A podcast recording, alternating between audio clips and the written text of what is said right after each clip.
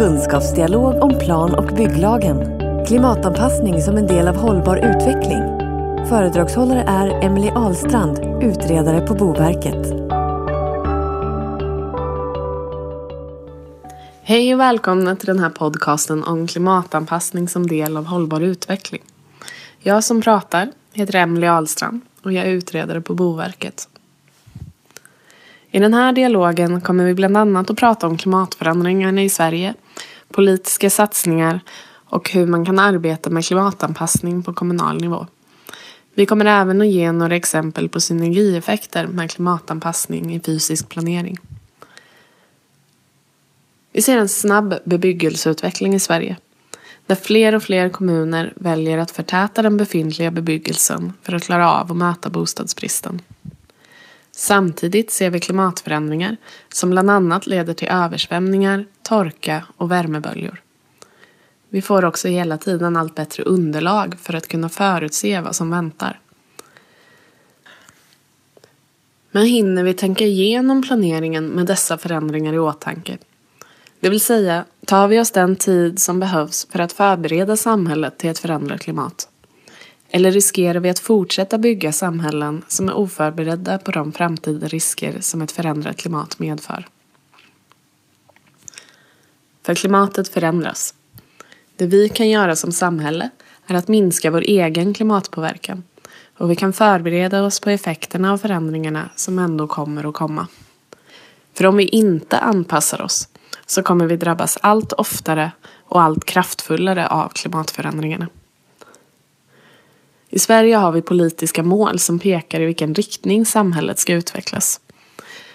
Bland annat har vi miljömålen och Agenda 2030 som lyfter vikten av en hållbar utveckling och där ingår att skapa robusta strukturer och samhällen som är förberedda på ett förändrat klimat.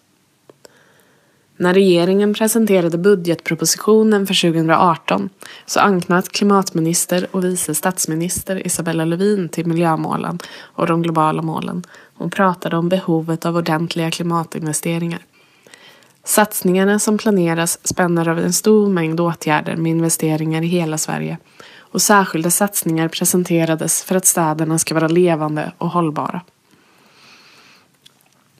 Planläggning är en viktig del för att skapa förutsättningar för en hållbar och god livsmiljö. Enligt plan och bygglagen ska planläggning bland annat främja en ändamålsenlig struktur och estetiskt tilltalande utformning av bebyggelsen, en god social livsmiljö och långsiktigt god hushållning av mark och vatten, samtidigt som den ska främja bostadsbyggande och utveckling av bostadsbeståndet. Och allt detta ska göras med hänsyn till miljö och klimataspekter. Vi måste alltså klimatanpassa för att uppnå en säker och trygg livsmiljö. I Sverige drabbas vi inte lika illa som i andra delar av världen. Men vi märker klimatförändringarna redan idag. Främst i form av extremväderlägen med höga temperaturer eller mycket nederbörd. Risker som redan nu behöver beaktas i den fysiska planeringen är bland annat stigande havsnivåer, värmeböljor, förändrade grundvattennivåer och kraftigare skyfall. Dessa risker kan också innebära att andra risker förhöjs, som rasrisk för slänter och vattendrag och fler översvämningar. Ett exempel på en kraftfull översvämning i nutid är det skyfall som föll över Malmö 2014 då stora delar av staden stod under vatten. Ett område som klarade sig bra under skyfallet var dock ekostaden Augustenborg där man satsat på öppna dagvattenlösningar som ett led i arbetet med att skapa ett socialt, ekologiskt och ekonomiskt hållbart bostadsområde. Men klimatanpassning handlar inte bara om att hindra översvämningar. Det handlar om att anpassa sig till nya förhållanden. Till exempel genom att inventera riskerna med det förändrade klimatet. Många kommuner har planer och strategier som berör klimatanpassning och en del har jobbat länge med det. Men andra har precis börjat. Det är viktigt att planerna och strategierna integreras och implementeras i verksamheten. Och för det kan översiktsplaneringen vara ett bra sätt att komma igång. I översiktsplanen så kan kommunen visa på helhetsbilden och strategierna för att hantera klimatförändringen. Via riktade utredningar och planeringsunderlag så utreds de riskerna som finns kopplade till det förändrade klimatet och vilka möjligheter som finns för att hantera dessa. Då krävs att kommunen har tillgång till bra och uppdaterat underlag. Och då kan man till exempel peka ut översvämningsområden och identifiera områden som är lämpliga för fördröjningsmagasin. Man kan också ta fram strategier för hur grönstrukturen kan bevaras och utvecklas för att gynna dagvattenhanteringen och reglering av höga temperaturer. Man kan titta på hur dricksvattenförsörjningen ska säkras. Man kan också, med hänsyn till de areella näringarna, peka ut viktig jordbruksmark för att säkra en långsiktigt hållbar livsmedelsproduktion. Eftersom klimatstrategier berör många områden så finns stort samarbetsbehov men också stor samarbetspotential. Att träffas i nätverk eller tvärsektoriellt över förvaltningsgränserna underlättar identifiering av potentiella målkonflikter och möjliga synergier mellan olika sektorer och åtgärder. Även mellankommunalt finns självklara fördelar med samverkan då det ger bredare perspektiv på planeringen. Att engagera olika intressegrupper kan också hjälpa till att identifiera synergier som annars missas. Det är viktigt att översiktsplanen visar avvägningar och tydliga ställningstaganden. För att kunna genomföra anpassningsåtgärder behöver kommunerna tydliggöra hur målkonflikter och synergier tas om hand så att man hittar de mest optimala lösningarna. Och här har politiken en avgörande roll.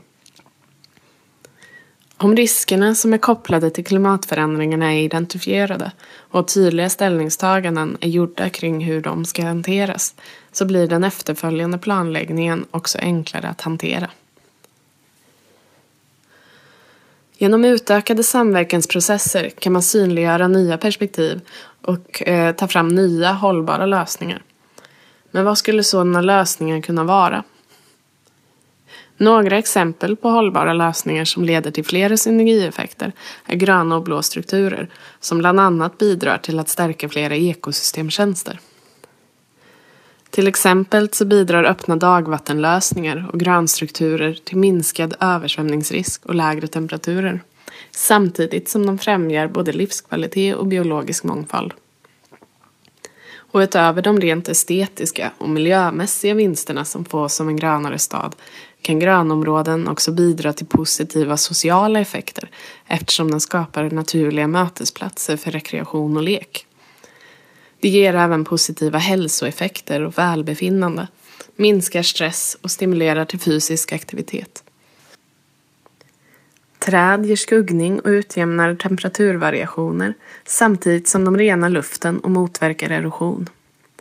Växtlighet i stadsmiljö har också en viss ljuddämpande effekt vilket bidrar till en behagligare ljudmiljö. Men var mer kan man hitta synergieffekter?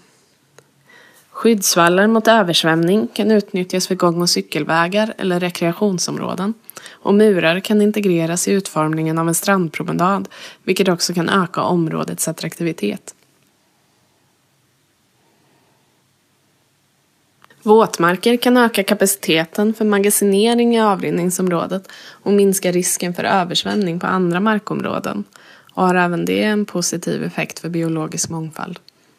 De kan anläggas som vattenmagasin för bevattning, bidra till ett jämnare flöde och minska risken för erosion nedströms våtmarken, eh, rena vatten från näringsämnen och de kan bidra till ökade möjligheter för friluftsliv. Vatten sänker också temperaturerna och verkar utjämnande på temperaturvariationer och höjer grundvattennivåerna.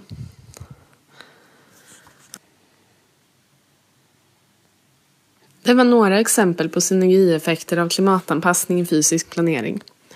Men hur kan vi bli bättre på att se och utnyttja sådana samband som både bidrar till klimatanpassning och har andra fördelar i samhället? Och hur kan vi bli bättre på att prioritera dem?